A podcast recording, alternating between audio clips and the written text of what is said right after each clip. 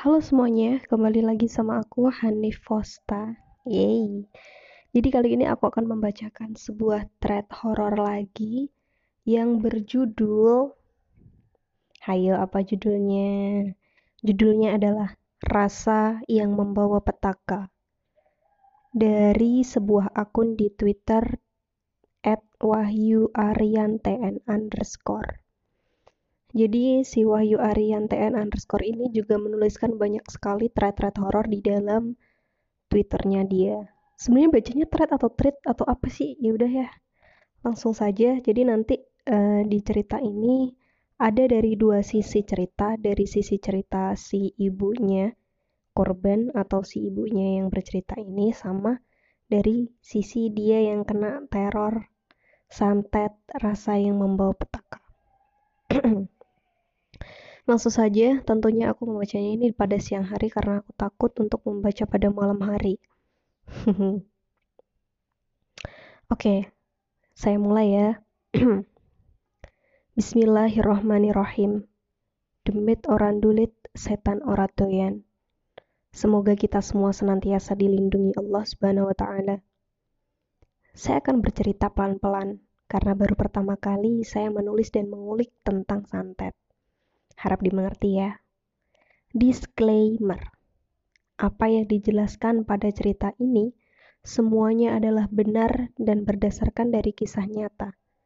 Untuk mencegah hal-hal yang tidak diinginkan terjadi, semua nama tokoh dan lokasi akan saya samarkan. Perkenalkan namaku Tuti. Aku anak pertama dari dua bersaudara dan adikku bernama Ani. Kala itu dia masih kelas 2 SMP, dan aku memiliki satu saudara angkat yang bernama Mas Restu. Jadi Mas Restu ini tinggal di kota yang terkenal dengan julukan kota pensiunan. Dan ia berprofesi sebagai abdi negara. Ini adalah pengalaman kisah hidupku bertahun-tahun yang lalu lamanya. Kurang lebih di tahun 2012, saat aku sedang menempuh pendidikan diploma kesehatan. Kala itu, aku yang sampai di akhir semester 2 mendapatkan kenalan seorang pria yang hingga sekarang menjadi incaran banyak kaum wanita. Ia bernama Dedi. Berusia dua tahun lebih tua dariku. Dan Dedi ini berprofesi menjadi salah seorang abdi negara di negeri ini. Dedi ini sebenarnya berasal tidak jauh dari tempat tinggalku tapi kami baru kali ini saling kenal. Dan Dedi sekarang ditempatkan ditugaskan di luar kota yang cukup jauh dari kota tempat tinggalku kala itu. Kami memakan waktu sedikit lama untuk saling mengenal sampai akhirnya kami berpacaran saat aku memasuki semester ketiga kuliahku.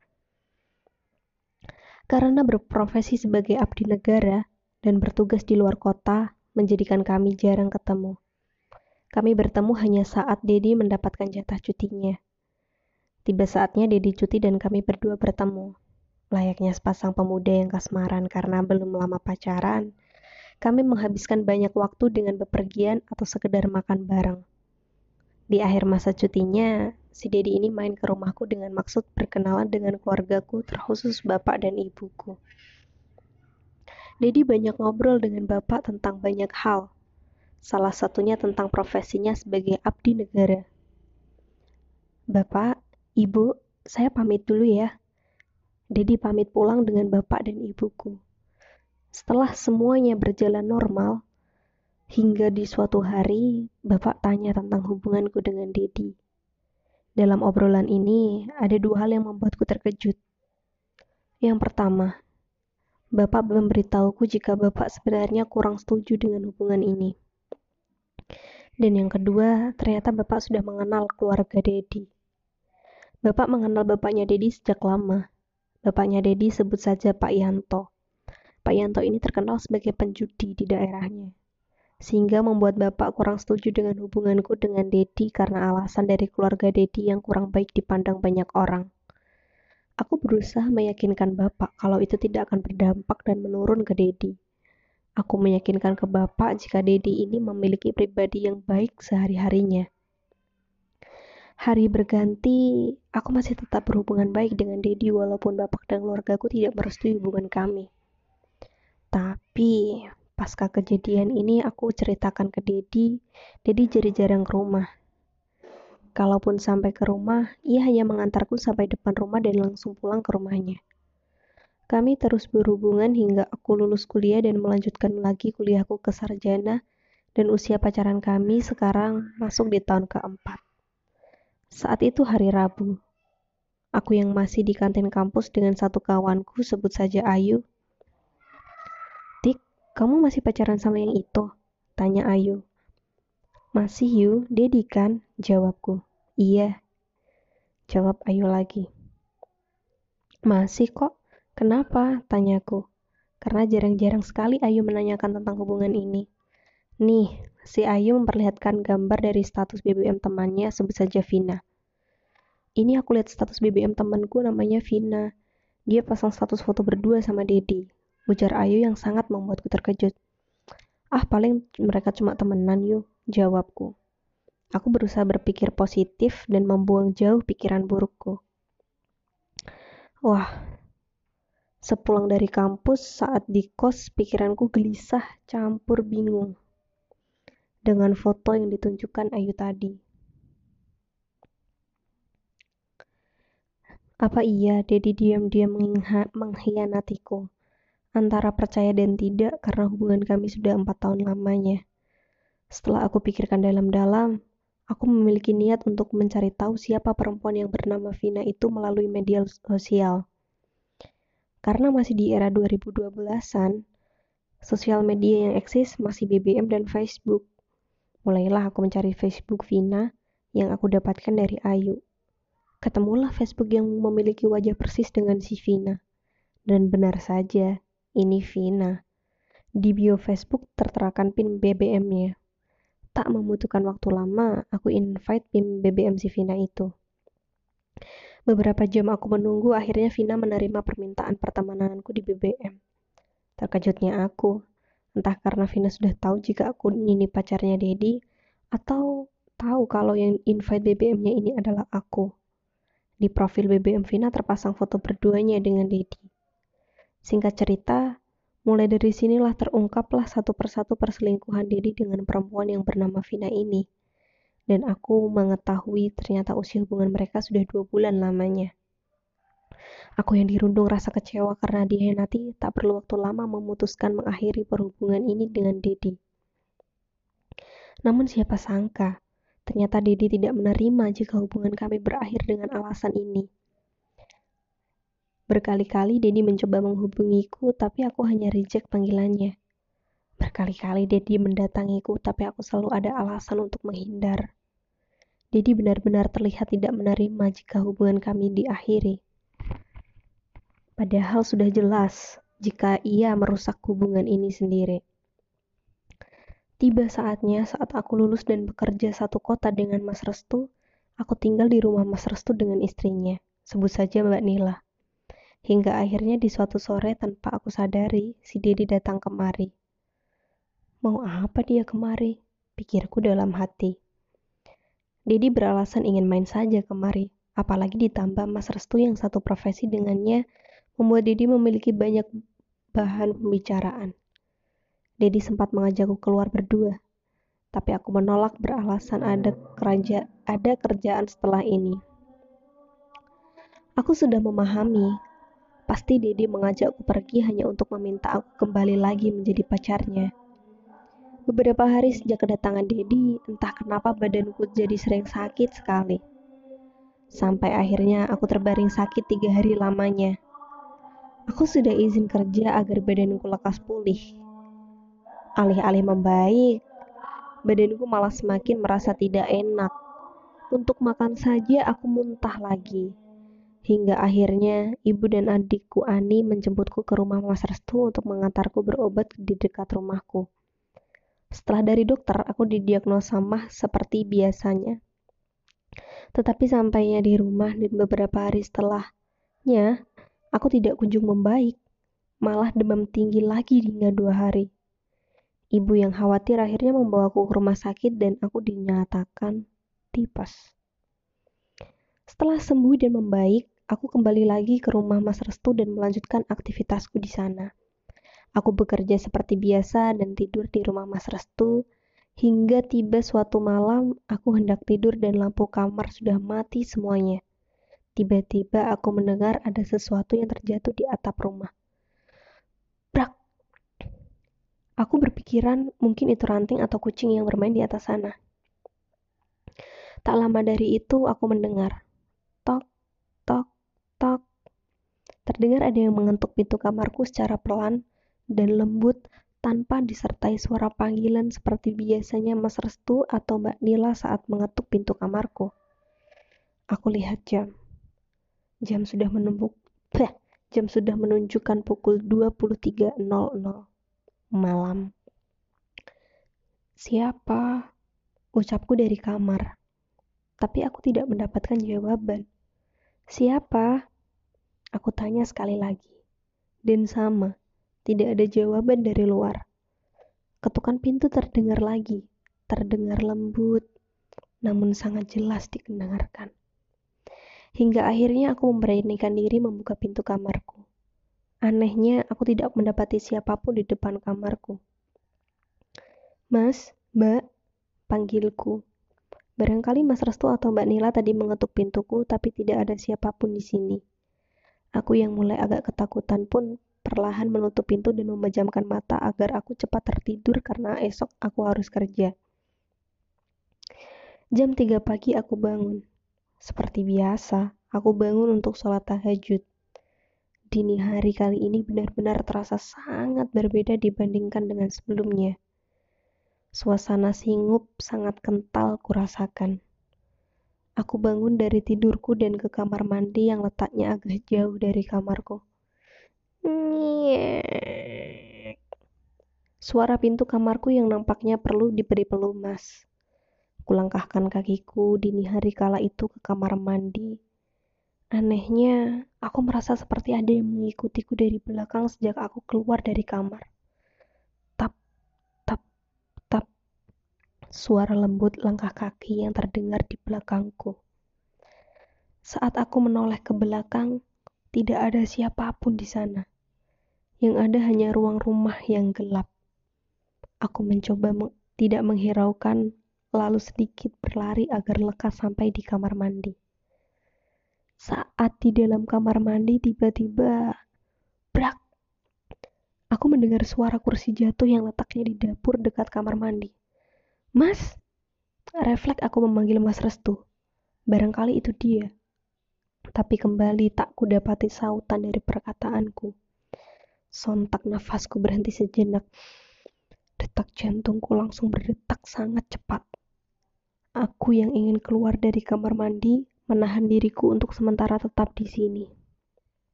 Aku takut jika aku membuka pintu bukan hal yang wajar yang kutemui. Lima menit sudah aku ada di dalam kamar mandi. Akhirnya memberanikan diri membuka pintu kamar mandi perlahan. Saat aku sudah memastikan jika tidak ada apa-apa di luar, aku langsung lari ke dalam kamar. Di kamar, aku langsung sholat tahajud dan menunggu azan subuh sebentar lagi. Setelahnya aku kembali tidur sebentar hingga pagi nanti. Kring, kring, kring. Jam wakerku berbunyi, menandakan sudah jam 6.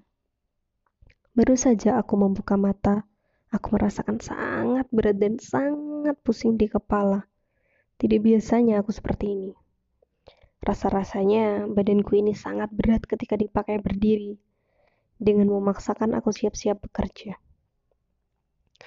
Pagi kala itu badanku benar-benar seperti tidak teh. Pagi-pagi itu benar-benar badanku tidak seperti biasanya. Badan yang lemas dan kepala pusing. Aku berangkat sendiri membawa motor kesayanganku yang sudah lama menemani perjuanganku.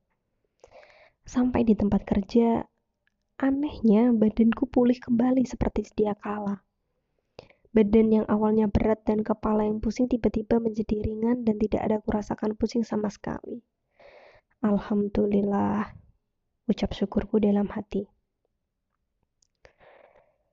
Pagi itu aku bekerja seperti biasanya tanpa ada halangan dan sore harinya aku pulang. Assalamualaikum, salamku saat tiba di rumah jam 17 sore.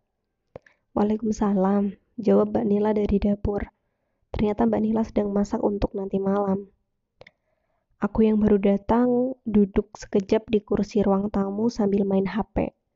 Setelahnya aku baru masuk ke kamar dan langsung mandi dan bersih-bersih. Setelah sholat maghrib, aku baru saja berdiri. Setelah sholat, tiba-tiba aku merasakan pusing lagi di kepala.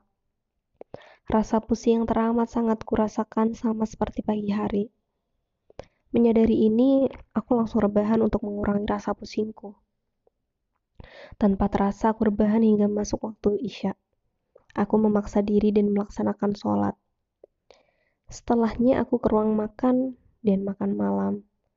Ternyata Mbak Nila mengetahui jika aku sedang tidak sehat. Lagi gak enak badan, Tik? Tanya Mbak Nila.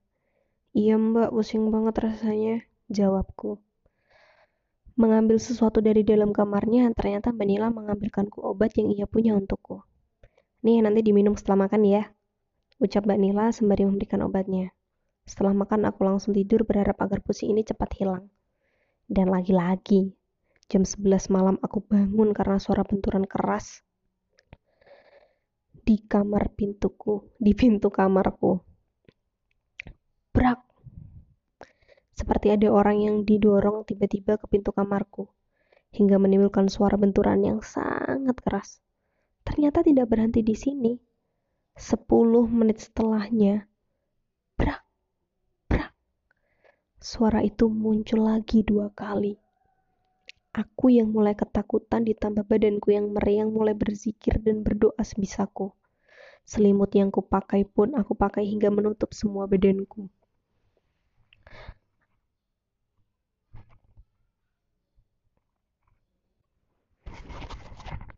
Sampai mana tadi? Aduh, bentar.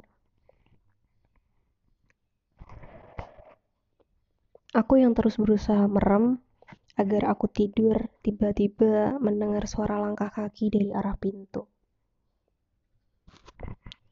Tidak cukup sampai di sini. Setelahnya, gantian aku mendengar suara cakaran di tembok kamarku. Krak, krak, krak. Astagfirullah. Aku terus berdoa sebisaku berharap ini cepat hilang hingga beberapa menit kemudian gangguan ini hilang. Lalu aku kembali berusaha tidur, masih saja susah. Hingga tidak terasa aku tidur dan jam, bangun jam 5 subuh, saking tidak enaknya badanku. Paginya dengan badan yang masih lemes, aku memaksakan berangkat kerja. Karena tidak mungkin aku izin kerja lagi. Tidak lama setelah sampai di tempat kerja, lagi-lagi badanku pulih lagi seperti sedia kala. Lagi-lagi ini terjadi. Sorenya aku sedikit lembur hingga membuat aku tiba di rumah sampai jam 8 malam. Saat sampai rumah dan mau masuk ke kamar, tepat dari depan pintu aku melihat ada seseorang perempuan tua berambut putih panjang duduk di atas ranjang yang membelakangiku. Astagfirullah, ucapku sambil berjalan menjauh dari kamar dan duduk di kursi ruang tamu. Tiga menit setelah, 30 menit setelahnya, Aku memberanikan diri ke kamar lagi. Aku gak mungkin cerita ini ke Mas Restu dan Mbak Nila, karena sejak lama sampai aku tinggal di sini, Mas Restu dan Mbak Nila tidak pernah mempercayai hal-hal yang semacam itu. Malam lagi-lagi aku merasa pusing dan meriang di badanku. Aku tidur hingga aku kembali bangun di tengah malam. Aku yang tidur terlentang dan membuka mata merasakan badanku sama sekali tidak bisa bergerak. Kata orang-orang, disebutnya tindihan. Badanku seperti dikunci dengan terlentang. Ingin ku berteriak minta tolong, tapi mulutku untuk sekedar dibuka saja tidak bisa. Di antara gelap dengan aku yang masih ketindian, di ujung mata di depanku, aku kembali melihat seorang perempuan yang kulihat sepulang kerjaku tadi. Kali ini sosok perempuan itu melihatku dan menatapku dengan mata yang sangat tajam. Seakan-akan perempuan ini menyimpan dendam kepadaku. Aku yang melihatnya dengan memakai pakaian putih lusuh dengan wajah rusak dan rambut putihnya membuat aku ketakutan luar biasa. Mm, mm. Aku berusaha berteriak. Aku berusaha merem agar tidak melihatnya. Berkali-kali aku membuka mata dan masih melihat perempuan itu ada di ujung ranjang di depanku. Hingga tanpa aku menyadari, saat aku merem dan membuka mata lagi, perempuan ini hilang. Dan badanku sudah bisa digerakkan lagi. Senormalnya badanku, aku bangun dan sholat tahajud. Berharap gangguan-gangguan ini tidak lagi mendatangiku. Beberapa hari setelah ini aku demam tinggi hingga berhari-hari lamanya. Sampai membuatku tidak bisa ke mana-mana termasuk bekerja. Ibuku yang mengetahui keadaanku kembali menjemputku pulang dan mengantarkanku berobat. Saat berobat aku hanya didiagnosa meriang biasa. Sampai di rumah demamku tidak kunjung turun. Melihat keadaanku yang tidak juga membaik, ibu dan bapak membawaku ke salah seorang kiai kenalannya, berharap aku diobati secara alternatif di sana. Dari sana, kamu baru, kami baru mengetahui jika penyakitku ini adalah penyakit kiriman dari orang lain. Saat ditanya siapa, kiai ini belum mengetahui keberadaannya. Di sini aku diberi minum yang sebelumnya diberi ajian doa. Dua hari setelahnya badanku belum juga membaik, demamku masih tinggi. Bapak dan ibuku semakin khawatir melihat keadaanku hingga akhirnya ibu mendapatkan informasi dari temannya agar aku ditemukan dengan kiai sebut saja namanya Kiai Soleh.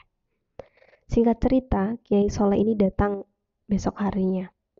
Assalamualaikum, ucap salam dari Kiai Soleh di depan rumah. Waalaikumsalam, jawab bapak ibuku yang sudah menunggu kedatangannya. Ternyata bapak ibuku sudah menunggu kedatangan Kiai Soleh. Kiai Soleh bersama dengan lima rekan lainnya Pak Rahmat, Pak Wawan, Pak Harto, Pak Dayat, dan Pak Adi. Beliau semua datang karena sebelumnya telah dijelaskan kronologi lengkapnya dari ibu. Sekarang gantian sudut pandang ibuku yang bercerita. Jadi ibunya yang cerita ya. Nak, ayo turun, Kiai Soleh sudah datang. Aku mengajak Tuti turun menghampiri Kiai Soleh di bawah, karena kamar Tuti di rumah lantai dua. Saat aku masuk ke dalam kamarnya, aku melihat wajah Tuti. Jadi Tuti ini adalah yang sakitan dia, guys. Ini ibunya yang bercerita. Saat aku masuk ke kamar Tuti, aku melihat wajah Tuti hanya diam termenung melihat langit-langit seperti sedang memperhatikan sesuatu. Tuti, panggilku sekali lagi. Enggak bu, Tuti enggak mau. Tuti mau di sini aja. Ucap Tuti yang tiba-tiba enggan menemui Kiai Soleh. Aku dan suamiku sudah menyiapkan kamar bawah untuk nanti Tuti diobati di sana. Sempat alot, akhirnya Tuti nurut dan turun menemui Kiai Soleh. Saat di bawah, aku langsung membawa Tuti ke dalam kamar, di bawah dan duduk di atas ranjang. Tak lama Kiai Soleh dengan lima rekannya masuk. Saat Pak Soleh baru masuk, mau apa kalian? Saya nggak akan takut, geraman Tuti. Tapi aku bingung kenapa suaranya bisa berubah. Suara Tuti menjadi serak seperti suara perempuan tua. Ini bukan tutik anakku, gumamku di antara kiai dan suamiku. Hahaha, terucap tawa dari mulut Tuti dengan tatapan mata yang tajam. Pak, Bu, pegang tangannya, ujar Kiai Soleh memintaku dan suamiku memegang tangan Tuti. Tampak Kiai Soleh dan lima rekannya mulai merapalkan doa berikhtiar yang aku sendiri tidak tahu bacaan apa itu. Tak kusangka Tuti memberikan reaksi. Tuti terlihat sangat kesakitan dan menggeleng-gelengkan kepalanya. Panas, panas, cukup, ah. Tuti berteriak dengan suara yang serak. Aku dan suamiku terus mencengkeram, kencang tangan dan pundak Tuti hingga tak berapa lama Tuti pingsan dan tak sadarkan diri. Setelah Kiai Soleh mengajakku dan suamiku ngobrol di ruang tamu, di dalam Tuti diawasi oleh Pak Dayat dan Pak Adi. Pak, Bu, jadi anak Bu Tuti ini, eh, Pak, Bu, jadi anak Ibu Tuti seperti ini tuh karena perbuatan orang lain. Orang lain ini ingin membuat Tuti terus sakit dan berujung mati karena terus-terusan kesakitan. Ujar Kiai Soleh. Astagfirullah, apa salah anak saya hingga ada orang lain yang tega seperti ini kepada anakku, Kiai? Tanya suamiku dengan nada terkejut karena tak percaya ada orang yang berbuat setega ini dengan Tuti. Lantas sekarang bagaimana, Kiai? Apa yang harus kami lakukan? Tanyaku. Anak saya mengalami sakit seperti ini sejak dari rumahnya saudaranya di titik-titik-titik. Awalnya Tuti hanya mengeluhkan sakit, lalu berkali-kali mendapatkan gangguan goib Kiai, tambahku. Iya, benar. Orang ini hanya mengirimkan atau menanamkan ini semua di rumah saudara ibu di titik-titik-titik. Ini yang nempel ikut kemari hanya sebagian kecil, dan yang besar dan pusatnya ada di sana. Jawab Kiai Soleh. Kita fokus menyembuhkan Mbak Tuti aja sekarang. Mari Bapak dan Ibu kita ke dalam lagi. Kiai Soleh mengajak kami ke dalam kamar lagi. Baru saja Kiai Soleh masuk Tuti yang awalnya hanya tidur tiba-tiba bangun dan duduk. Kamu tidak akan bisa melepaskan perempuan ini. Ucap Tuti dengan suara serak yang sudah biasa aku tebak ini bukan Tuti anakku. Mau apa lagi kamu? Tanya Tuti lagi. Aku dan suamiku dibantu Pak Daya dan Pak Adi memegang tubuh erat, memegang erat tubuh Tuti. Kiai Soleh dengan yang lainnya tampak mulai merapalkan doa yang membuat tubuh Tuti ke gelabakan sangat kencang. Sampai kami nyaris membuat cengkraman kami terlepas. Kiai Soleh terus melamar, merapalkan doanya hingga akhirnya Tuti sadar dan muntah. Alhamdulillah, ucap Kiai Soleh memecah ketegangan. Sudah pergi pak, bu, sekarang Mbak Tuti sudah aman, tambah Kiai Soleh. Aku lega dan kulihat wajah suamiku juga lega. Kala itu waktu sore Kiai Soleh dan lima rekannya pamit pulang. Sebelum pulang, Kiai Soleh memberi kami air putih yang nantinya harus diminum Tuti sebelum dan sesudah tidur. Dan memberi pesan agar setelah ini semua, hal atau barang pemberian dari orang yang pernah suka dengan Tuti dibuang saja dari rumah. Sepulangnya Kiai Soleh, aku dibantu suamiku tanya kepada Tuti. Nak, kamu ada masalah apa belakangan ini? Tidak ada, Bu. Tidak ada masalah apa-apa. Coba ingat-ingat lagi, nak. Tuti tampak berpikir beberapa saat. Ini, Pak, Bu, Tuti sempat ada masalah, tapi Tuti nggak tahu ada hubungannya dengan kejadian ini atau tidak waktu aku putus sama Mas Dedi. Kami putus karena Dedi ketahuan selingkuh. Waktu aku minta mengakhiri hubungan ini, si Dedi terus-terus menolak dan meminta tetap lanjut. Tapi aku tetap tidak mau sampai akhirnya Dedi menghilang. Suamiku tampak geram mendengar penjelasan Tuti. Sudah pak, fokus saja sama kesembuhan Tuti. Ucapku mendinginkan suasana suamiku. Mulai sekarang semua barang pemberiannya dibuang saja. Jangan sampai ada yang tersisa di rumah ini ucap bapak. Sekarang kembali lagi ke sudut pandang Tuti. Jadi kembali lagi Tutik yang bercerita ya guys. Besoknya, aku dan bapak dan ibu mencari semua barang pemberian Dedi untuk dijadikan satu kemudian dibuang. Walaupun belum terbukti adanya jika Dedi yang mengirimkan bala ini, tetapi aku sekeluarga lebih memilih antisipasi. Setelah semuanya terkumpul, bapak keluar membuang barang itu yang aku dan ibu tidak tahu ke mana dibuangnya. Tiga hari sudah aku di rumah. Besoknya aku mesti kembali lagi bekerja. Dan ke rumah Mas Restu. Tapi malamnya bapak mencegahku kembali ke sana. Biar bapak yang mengizinkan di kerjaanmu. Kamu di rumah dulu saja satu atau dua hari lagi. Dan nanti kamu pindah ke kos saja. Jangan di rumah Mas Restu. Aku yang sempat kebingungan kenapa aku diminta pindah dari Mas Restu akhirnya tanya pada Bapak sebenarnya apa yang terjadi. Bapak akhirnya menjelaskan sesuai dengan apa yang diceritakan Kiai Soleh. Aku yang khawatir hanya bisa mengiyakan ucapan Bapak. Bapak tanpa menel tampak menelpon Mas Restu meminta izin agar aku setelah ini pindah ke kos sendiri.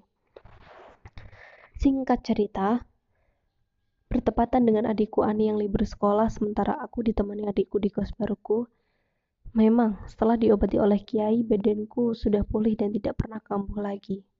Tapi siapa sangka, di suatu hari perempuan tua itu datang lagi. Aku yang tengah bangun, hendak sholat tahajud tiba-tiba melihat, melihat perempuan tua itu berdiri, memperhatikanku di balik pintu.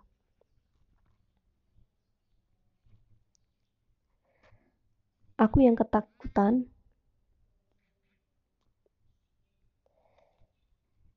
Aku yang ketakutan akhirnya kembali memejamkan mata lagi, dan di antara sadar atau tidak sadar aku mendengar di telingaku. Kamu tidak akan bisa lepas. Suara ini terdengar lembut dan cepat di telingaku. Aku terus berusaha merem menghadap ke Ani waktu itu yang ada di sebelahku. Tak terasa aku tidur hingga subuh dan Ani membangunkanku. Paginya aku kerja dan Ani tampak tetap tinggal di kosku itu. Sejak kedatangan perempuan tua lagi semalam, badanku kembali lagi meriang dan merasakan banyak keanehan. Pusing, demam, disertai muntah. Tanpa sadar si Ani ini mengabarkan lagi ke bapak dan ibu. Besoknya kebetulan bertepatan dengan hari liburku dua hari, bapak ibu menjemputku dan Ani untuk pulang dan mengajak kami berobat. Kali ini bapak dan ibu tidak membawaku kiai-kiai soleh.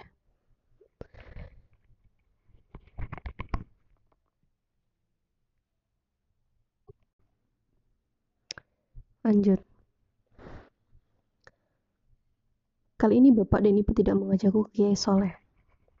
Kali ini Bapak menyarankan kami datang ke Pak Taufik. Pak Taufik ini adalah seorang yang terkenal dengan pengobatan alternatifnya dengan cara terapi atau urut. Sesampainya di rumah, aku langsung dibawa ke kediaman Pak Taufik yang hanya berjarak beberapa desa dari rumahku.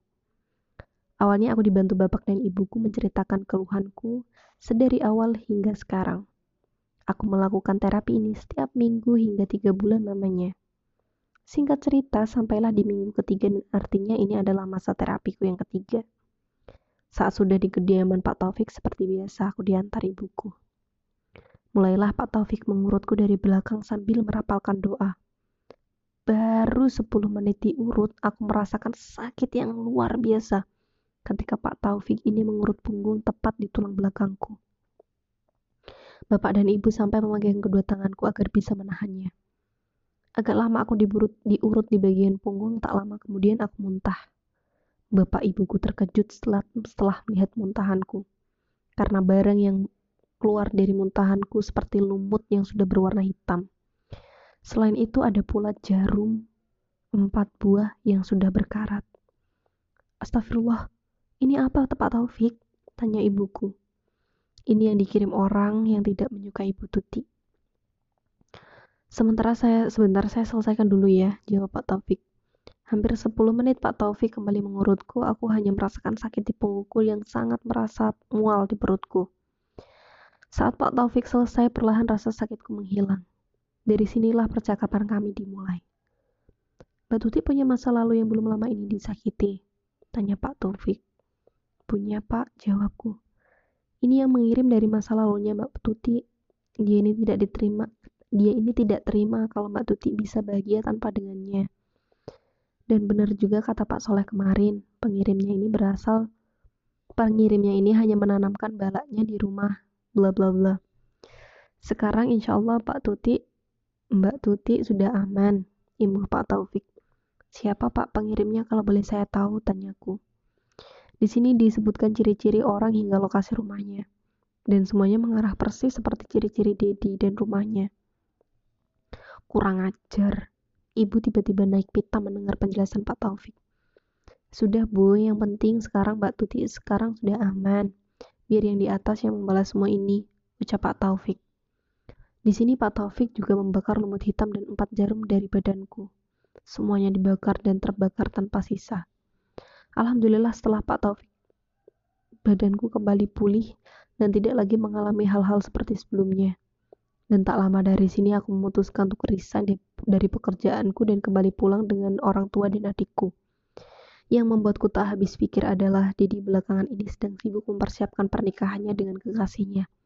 Kok masih sempat ngirim-ngirim hal semacam ini kepadaku?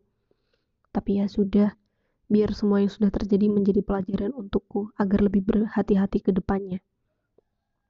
Dampak dari kejadian ini adalah aku menjadi lebih peka dengan hal-hal goib di sekitarku. Entah melihat keberadaannya atau hanya badanku yang bereaksi. Kisahku ini memang sudah berakhir, tapi siapa sangka perpisahan kami menimbulkan kejadian seperti ini. Di sini narasumber juga memberikan pesan bahwa ketika kalian jatuh hati dengan seseorang, letakkan akal di atas perasaanmu. Karena semua yang dilakukan tetap wajar dan waras, agar semua yang dilakukan tetap wajar dan waras. Jika kegelapan dan kebencian sudah menutup akal dan hatimu, maka selesailah sudah. Yang harus kita lakukan adalah selalu mendekatkan diri dan bertawakal kepada Allah Subhanahu wa taala. Terima kasih. Jadi begitulah kisah cerita pada hari ini semoga kita lebih berhati-hati ke depannya. Tadi juga sempat aku melihat di TikTok di FYP HP aku, kalau memang tanda-tanda kita ada yang nyantet ya istilah kasarnya itu pertama kali pasti ada suara brak di genteng rumah kita di atap kayak gitu. Itu pasti kayak gitu katanya. Dan bagi kita semua dan kita juga bisa lebih berhati-hati dalam mencintai ingat selalu kata Mbak Tuti meletakkan akal di atas perasaan ya. Terima kasih. Sekian dari Hanif Mutiarasti semoga suka. Mantap